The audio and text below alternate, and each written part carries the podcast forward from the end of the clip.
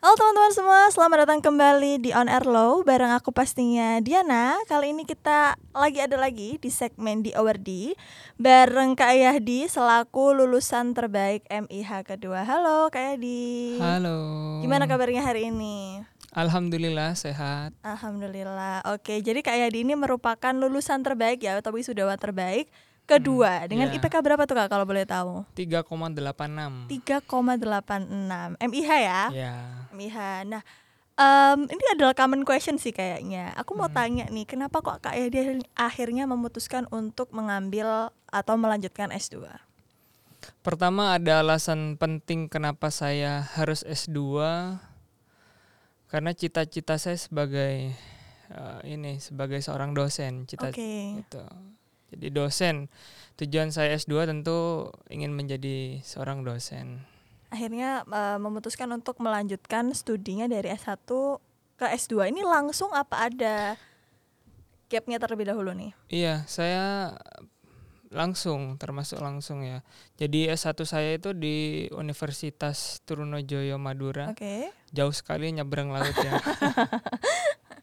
Untungnya sekarang ada jembatan Suramadu jadi nggak Iya. perlu menyeberangi lautan beneran ya. Betul. Jadi tahun 2021 saya lulus tiga setengah tahun. Oke. Ya, saya lanjut langsung di Erlangga itu juga ada rekomendasi untuk masuk UNER dengan konsentrasi yang sama. Di S1 saya ngambil hukum internasional, di S juga saya juga linear Ambilnya dengan hukum hukum internasional karena kan memang eh, dosen harus linear ya. Hmm, oke. Gitu. Terus kenapa tuh kok memilih di Universitas Erlangga? Kenapa kok nggak di universitas lain? Ya, pertama saya tahu bahwa lulusan UNER itu kan pasti berkualitas. Oke. Tuh. Yang- Such a pleasure ya. ya langsung berkualitas karena rata-rata dosen saya yang uh, di universitas lulusan Universitas Erlangga baik itu doktoral ataupun uh, magister ataupun yang hanya sarjana saja di UNER itu untuk menganalisis suatu kasus ataupun permasalahan itu sangat kompleks Oke. tidak mendiskriminasi yang bukan UNER tetapi Suka Ah, gitu ya dengan iya. akhirnya cara berpikirnya gitu cara ya. berpikir terus ternyata ketika saya masuk ke uh, UNER saya bisa paham lebih dalam lagi berkenan dengan hukum internasional terutama Oke, Tuh. jadi itu salah satu alasannya ya kenapa akhirnya memutuskan untuk eh, mendaftar S2 di eh, UNER. Sulit nggak sih daftar S2 itu sebenarnya? Eh, menurut saya saya bisa sekolah di sini tuh suatu keajaiban ya Kenapa tuh? karena pada saat saya ingat bahwa saya itu daftar di gelombang ketiga eh, Hamin dua Hamin tiga hari itu pendaftaran ditutup dan saya itu eh, peserta dengan nomor peserta yang cukup terakhir ya karena kan batas kalau nggak salah ya itu akan ada dibatasi sama UNER untuk daftar kan ada kuota 1500 saya nomor 1498 Oke. gitu. Jadi Agak deg-degan ada ya. deg-degan karena itu kan gelombang ketiga kalau sudah memenuhi otomatis kan tidak ada gelombang Iya, keempat. benar. Jadi saya berpikir "Ah, ini kalau misalkan masuk berarti ini sudah takdir dan jalan saya di UNER gitu.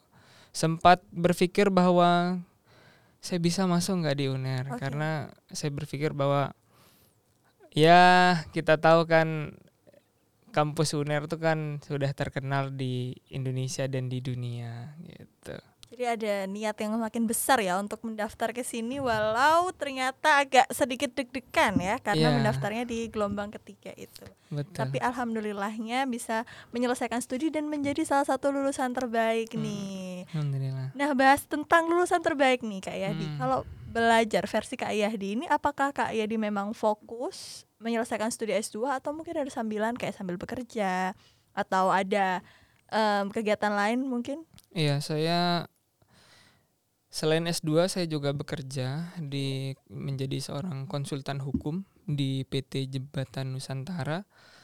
Itu saya memang masuknya memang seminggu dua kali, tetapi ya intensitas bekerja membagi waktu antara bekerja dan kuliah itu sangat berat ya.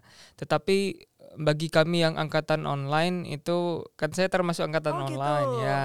Semester 1 semester 2 saya online. Jadi baru ketika bimbingan tesis Offline itu offline. mulai kerasa ya. mulai kerasa. Tapi kan overall kan kalau hanya bimbingan MKPT kan ada mata kuliah penunjang tesis dan juga tesisnya itu nggak begitu sulit bagi saya bagi waktu. Tapi mungkin kalau misalkan eh intens masuk setiap hari, maksudnya kuliahnya ya dan juga bekerjanya masuk setiap hari, nah, itu Akan kit- sedikit ada sedikit tantangan ya. tantangannya. Tapi ya sama saja karena kan juga walaupun namanya konsultan hukum masuk seminggu dua kali tapi kasusnya setiap hari Jadi tetap aja ya hitungannya kayak bekerja Ya. setiap hari ya. sama. Terus gimana tuh cara mengatur waktunya supaya at the end of the day pekerjaan tetap lancar dan juga perkuliahan juga tetap berjalan lancar. Eh, pertama kita harus bangun mindset kita bahwa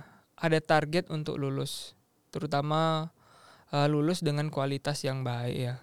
Tujuan bukan menjadi seorang yang paling baik, enggak. Cuman kita harus maksimal dalam berkuliah dan juga ketika kita bekerja juga kita harus maksimal. Jadi saya manfaatkan waktu lengah saya termasuk pada is- istirahat kantor ataupun juga weekend itu saya banyak baca buku, jurnal.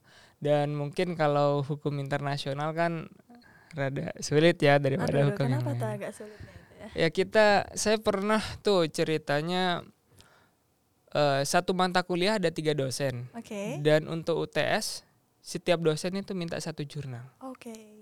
Jadi agak text time ya. Iya gitu. Tapi eh, dari situ saya bisa belajar bahwa ya namanya menjadi seorang dosen kan pasti akan upload jurnal toh. Benar, benar, Ah, benar. Tapi eh, di di hukum internasional itu banyak pengalaman yang berharga bagi saya, terutama memisahkan teori. Itu. Karena waktu S1 kita belajarnya kebanyakan pasti teori ya. Maksudnya eh, kita kasih mentahannya Hmm. baru kita olah lagi ketika kita studi lebih lanjut atau S2 itu. Jadi ada kesulitan tersendiri ya. Iya, jadi pada saat S1 pun saya saya termasuk angkatan pertama di Universitas Trunojoyo Madua yang ngambil hukum internasional. Oke. Jadi tantangan tersendiri dan dosennya di sana hanya empat. Dan fokusnya rata-rata di hukum sumber daya alam. Dan ketika di UNER kan bukan hanya SDA tapi hukum laut, hukum humaniter, General. general banget. Dan kalau dulu saya belajar mungkin hanya konvensi internasional bahwa eh, ketika negara itu meratifikasi suatu konvensi maka itu berlaku. Tetapi ketika saya belajar dengan dosen-dosen saya termasuk Bu Akti, Dr. Aktivatri Citrawati itu yang memotivasi saya dan Bu Dr. Eni Narwati ya. Bu Adek ya itu eh saya banyak belajar bahwa di hukum internasional itu bukan hanya konvensi internasional saja, tapi ada eh, kebiasaan internasional dan prinsip-prinsip hukum internasional gitu. Jadi kayak ada insight baru yang masuk akhirnya tidak sesimpel yang kita bayangkan ya. Jadi Mm-mm. semoga dapat menjadi ilmu yang ya berkah lah ke depannya karena sebagai cita-citanya Kak Yadi ini untuk sebagai menjadi dosen supaya dapat memberikan ilmu baru, ilmu yang bermanfaat juga pastinya. Ya. Nah, membahas tentang tadi nih cerita yang memotivasi atau mungkin cerita hektiknya gimana membagi waktu antara perkuliahan dengan pekerjaan ada nggak sih yang menurut Kak Yadi itu momen yang bisa dibilang berkesan atau ya akan dikenang gitu selama lamanya ketika S2 di UNER ini Ya ada kesan kesan ini artinya kan ada dua ya bisa kesan bagus atau iya, betul. buruk. Kesan nggak bagus tuh bukan berarti kampusnya jelek enggak ya. Cuman ada ada pada saat saya itu benar-benar nggak bisa bagi waktu. Pada saat sidang proposal tesis setelah sidang proposal tesis ini yang kabar kurang enak ya. Maksudnya Oke. saya nggak bisa bagi waktu itu pada saat di bulan kalau nggak salah di sekitar September Oktober lah di situ saya harus masuk kerja harus meng- eh, menyelesaikan proposal tesis saya.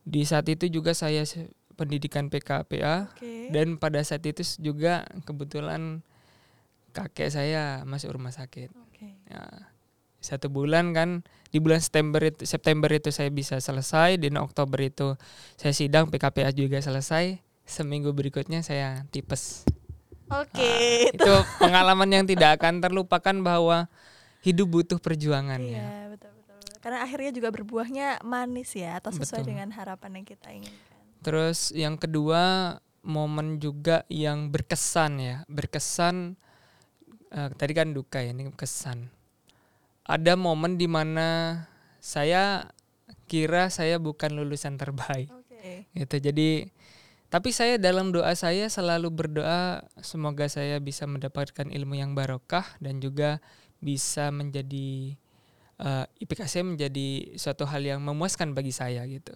Itu pun uh, kesannya banyak ya, apalagi kesan spiritual saya. Saya termasuk um, mahasiswa yang ini bisa bisa dipertanyakan apa-apa tuh harus ditanyakan apakah saya mampu atau tidak gitu. Kesan yang paling berkesan banget saya harus sidang tesis itu kemarin ya di bulan April. Ya ini hanya cerita pada saat itu saya masih umroh di bulan Ramadan. Itu spiritual banget dan saya berdoa di depan Ka'bah. Saya minta bahwa Ya Allah, semoga saya menjadi salah satu lulusan yang terbaik. Itu adalah salah satu cita-cita dari Kak Yadi ya. Yang kedua, saya bisa sidang di semester ini gitu. Saya ingin bisa sidang ya Allah. Dan kebetulan saya ingat eh, saya pulang ke Indonesia itu kan tanggal 12. Penutupan pendaftaran sidang itu tanggal 17. Secara logika tesis saya baru dikoreksi sama Bu Eva Uh, tapi saya pulang baru baru baru bisa menemui beliau itu di tanggal 16 karena kan kondisi ya baru uh, pulang dari luar ya dari umroh. Nah itu uh, momen berharganya beliau bilang ya di uh, ya sudah kapan mau sidang segera bu gitu. Tapi kan pendaftaran sidang di tanggal 8 Iya 17 terakhir toh. Oh ya sudah enggak apa-apa karena kan sejatinya tesisnya kamu sudah selesai sudah lama itu. Itu sudah chatting juga pada saat saya di Madinah. Saya selesai itu uh, sidang karena kan lebaran kan cukup lama ya. Le cukup lama liburnya, libur lebaran, ya? libur lebaran kan cukup lama. Saya sidang tuh saya kalau nggak salah tanggal 26. Okay. Dan berkas terakhir itu dikumpulkan tanggal 28 ya Jadi nanti agak ngebut ya ngebut tapi ya itu uh, doa lagi ya doa yang paling mustajab saya itu di depan Ka'bah juga selesai di semester ini ya alhamdulillah uh, pada saat itu juga revisian saya uh, hanya typo aja. Okay. jadi nggak ada revisi yang cukup berat harus, harus mengubah teori. Karena kan teori saya saya bah karena di inter kan cukup sulit ya rumusan masalah harus tiga. Yeah. jarang sekali yang dua gitu. Ya itu pas bisa ya ternyata uh, terkabulkan juga itu momen. gimana perasaannya tuh senang sekali atau masih deg-degan atau gimana itu iya iya bisa dikatakan bersyukurlah ya karena mepet terus yang kedua ternyata kalau Allah sudah berkendak maka terjadi gitu karena saya memang Ya, meyakini semua itu ya. meyakini itu ya. Ternyata memang doa di depan Ka'bah mustajab. Ya. ya ada beberapa doa yang ya bismillah lah semoga bisa Amin. dikabulkan. Nah, ini pertanyaan terakhir kayak di setelah kita chat-chat panjang tentang gimana S2 ini. Aku mau kayak dikasih tips atau mungkin kasih saran lah untuk teman-teman yang mungkin lagi bimbang apakah harus mendaftar S2 atau kerja dulu atau mungkin um, gak ah apa sih S2 tuh gunanya untuk apa nah mungkin untuk memberikan motivasi sedikit kepada teman-teman yang lagi mendengarkan atau mungkin untuk teman-teman yang lagi struggling S2 ini yang lagi pusing-pusingnya mikirin tesis atau ya boleh terserah untuk teman-teman pendengar hari ini. Oke, okay. kalau saran dari saya pertama bagi mahasiswa S1 yang uh, bertanya-tanya apakah perlu lanjut S2 enggak? Jawabannya sangat perlu karena kenapa di S1 itu kan rata-rata hanya membahas soal uh, pasal satu adalah pasal dua Pak. Rata-rata seperti itu, pengertian-pengertian. Tapi kalau misalkan di S2 kita sudah uh, melihat lebih dalam memakai teori apa. Misalkan kalau misalkan di hukum perdata atau di hukum internasional, Fakta Sunt Servanda misalkan. Di situ kan prinsip ya asas. itu dipakai juga untuk membuat legal opinion Oke. dan beda sekali ketika mungkin ketika saya menghadapi suatu kasus eh, berlatar belakang S1 saya tidak bisa secara konkret menyelesaikan kasus tersebut tetapi kalau misalkan sudah S2 ada beberapa eh, teori ataupun eh, pemahaman-pemahaman yang bisa saya masukkan untuk problem solving itu bagi teman-teman S1 bagi teman-teman yang eh, S2 yang mungkin tesisnya yang belum selesai Atau mungkin lagi juga bimbang Lagi apakah bimbang. bisa sidang Heeh. sekarang.